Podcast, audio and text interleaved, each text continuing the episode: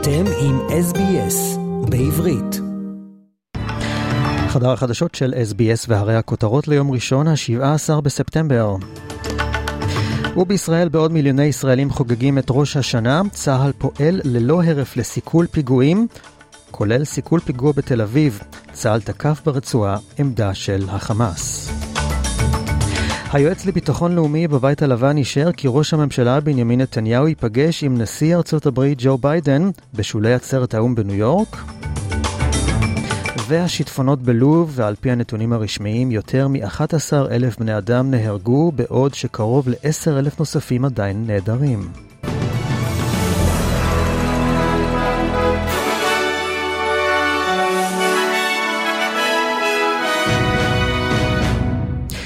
ונתחיל עם אוסטרליה, ובעוד קמפיינים בעד ונגד כל הילידים לפרלמנט מתגברים לקראת משאל העם הקרוב באוקטובר, ראש הממשלה אנטוני אלבניזי ממשיך להיות בטוח שהאוסטרלים יצביעו בעד שינוי החוקה.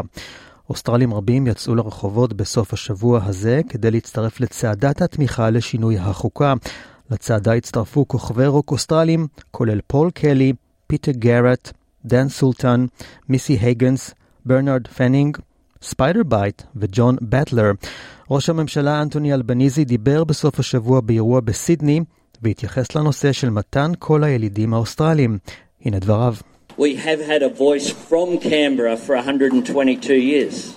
A voice from Canberra saying this is what you should do and this is where you should do it. What we're asking for here is a voice to Canberra from local Indigenous communities in order to achieve better outcomes. תושבי אוסטרליה יגיעו לקלפיות ב-14 באוקטובר, כאשר הם יצטרכו להצביע בכן או לא לשאלה האם הם רוצים להכיר בעמים הראשונים של אוסטרליה על ידי עיגון גוף המייעץ לממשלה. ההצבעה היא חובה לכל אזרח שהוא אוסטרלי. ועוד בסידני, ולמרתון הריצה שהתקיים ביום ראשון, מרתון סידני שואף להיכלל בין האירועים הטובים בעולם, מכיוון שהוא מתהדר במספר שיא של משתתפים. יותר מ-17 אלף רצים נרשמו להתמודד על המסלול המתיש של 42 הקילומטרים בעיר. הנתון המרשים הזה הוא יותר מכפול ממספר הרצים שהשתתפו במרתון הגדול הקודם של אוסטרליה, שנערך במלבורן ב-2019 עם 8,100 רצים. האירוע המיוחד בסידני, שנקרא המרתון העולמי של אבוט, מתקיים לצד מרוצים אייקוניים אחרים כמו בניו יורק, בוסטון, שיקגו, לונדון, טוקיו וברלין.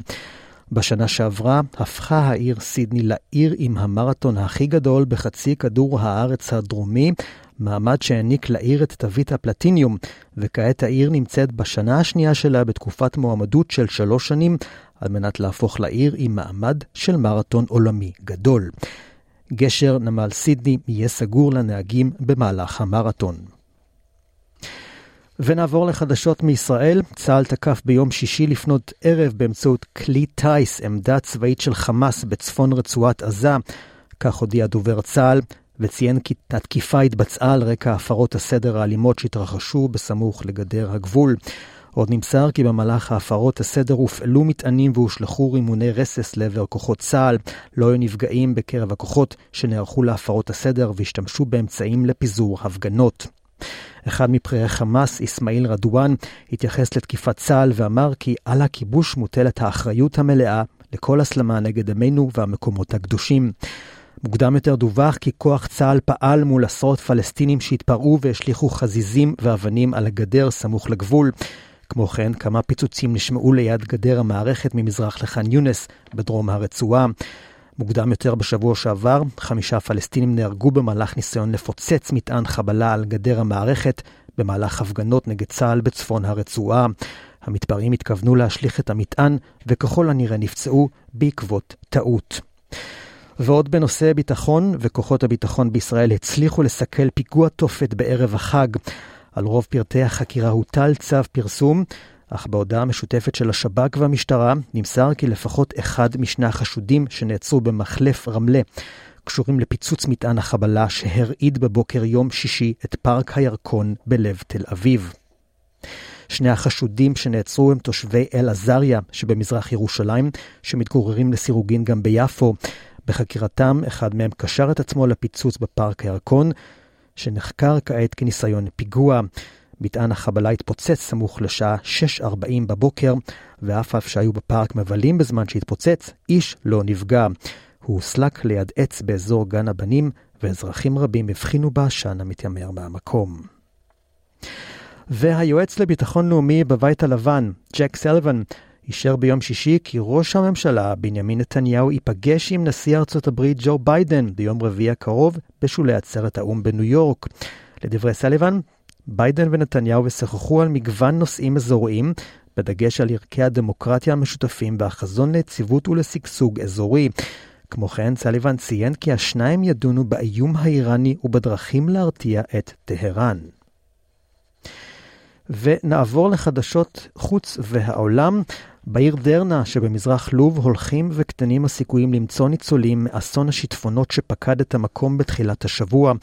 על פי הנתונים הרשמיים, יותר מ-11,000 בני אדם נהרגו, בעוד שקרוב ל-10,000 נוספים עדיין נעדרים. בינתיים הרשויות בלוב הודיעו כי פתחו בחקירה שתבחן את נסיבות פריצת שני הסכרים בעיר, מה שהוביל לפליטת זרם אדיר של מים שזרה הרס עצום בעיר דרנה. האסון, נזכיר, אירע ביום ראשון בלילה לפני כשבוע, אחרי שהסופה דניאל, שגרמה קודם לכן להצפות קטלניות ביוון, טורקיה ובולגריה, הגיעה למזרח לוב, המטירה שם גשמים כבדים וגרמה לפריצת שני הסכרים בסמוך לדרנה. כתוצאה מזרם המים נסחפו בתים, מכוניות ותושבים. הסופה דניאל גרמה להצפות ביישובים רבים במזרח לוב, אבל דרנה ספגה את הנזק הקשה ביותר, עם שכונות שלמות שנהרסו כליל. ולאיראן, הסוכנות הבינלאומית לאנרגיה אטומית פרסמה ביום שבת הודעה חריגה, ולפיה איראן החליטה לאסור על פעילותם במדינה של קרוב לשליש מפקחי הגרעין המנוסים ביותר של הסוכנות, כאלו שלדבריה יש להם מומחיות רבה בתחום העשרת האורוניום. ראש הסוכנות, רפאל גרוסי, הזהיר כי המהלך יפגע ביכולתה של הסוכנות לפקח על תוכנית הגרעין של איראן, ואמר כי הוא מהווה מכה ליחסים בין הארגון שלו לבין טהרן, יחסים שהיו מתוחים ממילא בשל ההגבלות שהטילה בשנים האחרונות על פעילות המעקב של הפקחים. הוא הדגיש כי ללא שיתוף פעולה אפקטיבי, הסוכנות תתקשה להעניק ערבויות לעולם לכך שתוכנית הגרעין האיראנית נעשית אך ורק לצורכי שלום, כפי שטהרן טוענת שוב ושוב. מספר שעות לאחר פרסום ההודעה, פרסמה לשכת ראש הממשלה בנימין נתניהו הודעה משלה, ומסרה שישראל לא מופתעת מצעדיה של איראן, שמוכיחים שהיא מפרה את כל התחייבויותיה לקהילה הבינלאומית ובכוונתה להתחמש בנשק גרעיני.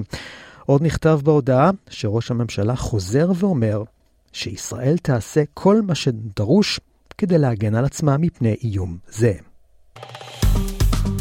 עקבו אחרינו והפיצו אותנו דרך דף הפייסבוק שלנו.